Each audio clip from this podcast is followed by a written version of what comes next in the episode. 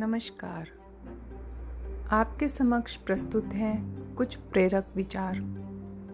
कभी ये ना सोचें कि आप कुछ भी नहीं हैं। कभी ये भी ना सोचें कि आप ही सब कुछ हैं।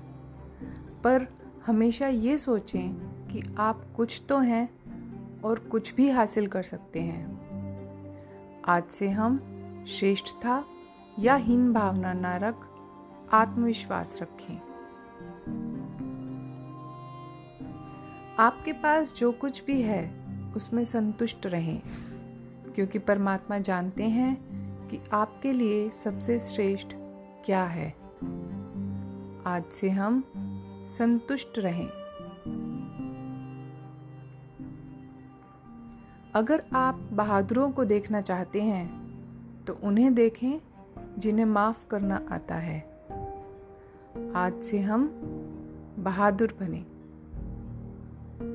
धन्यवाद।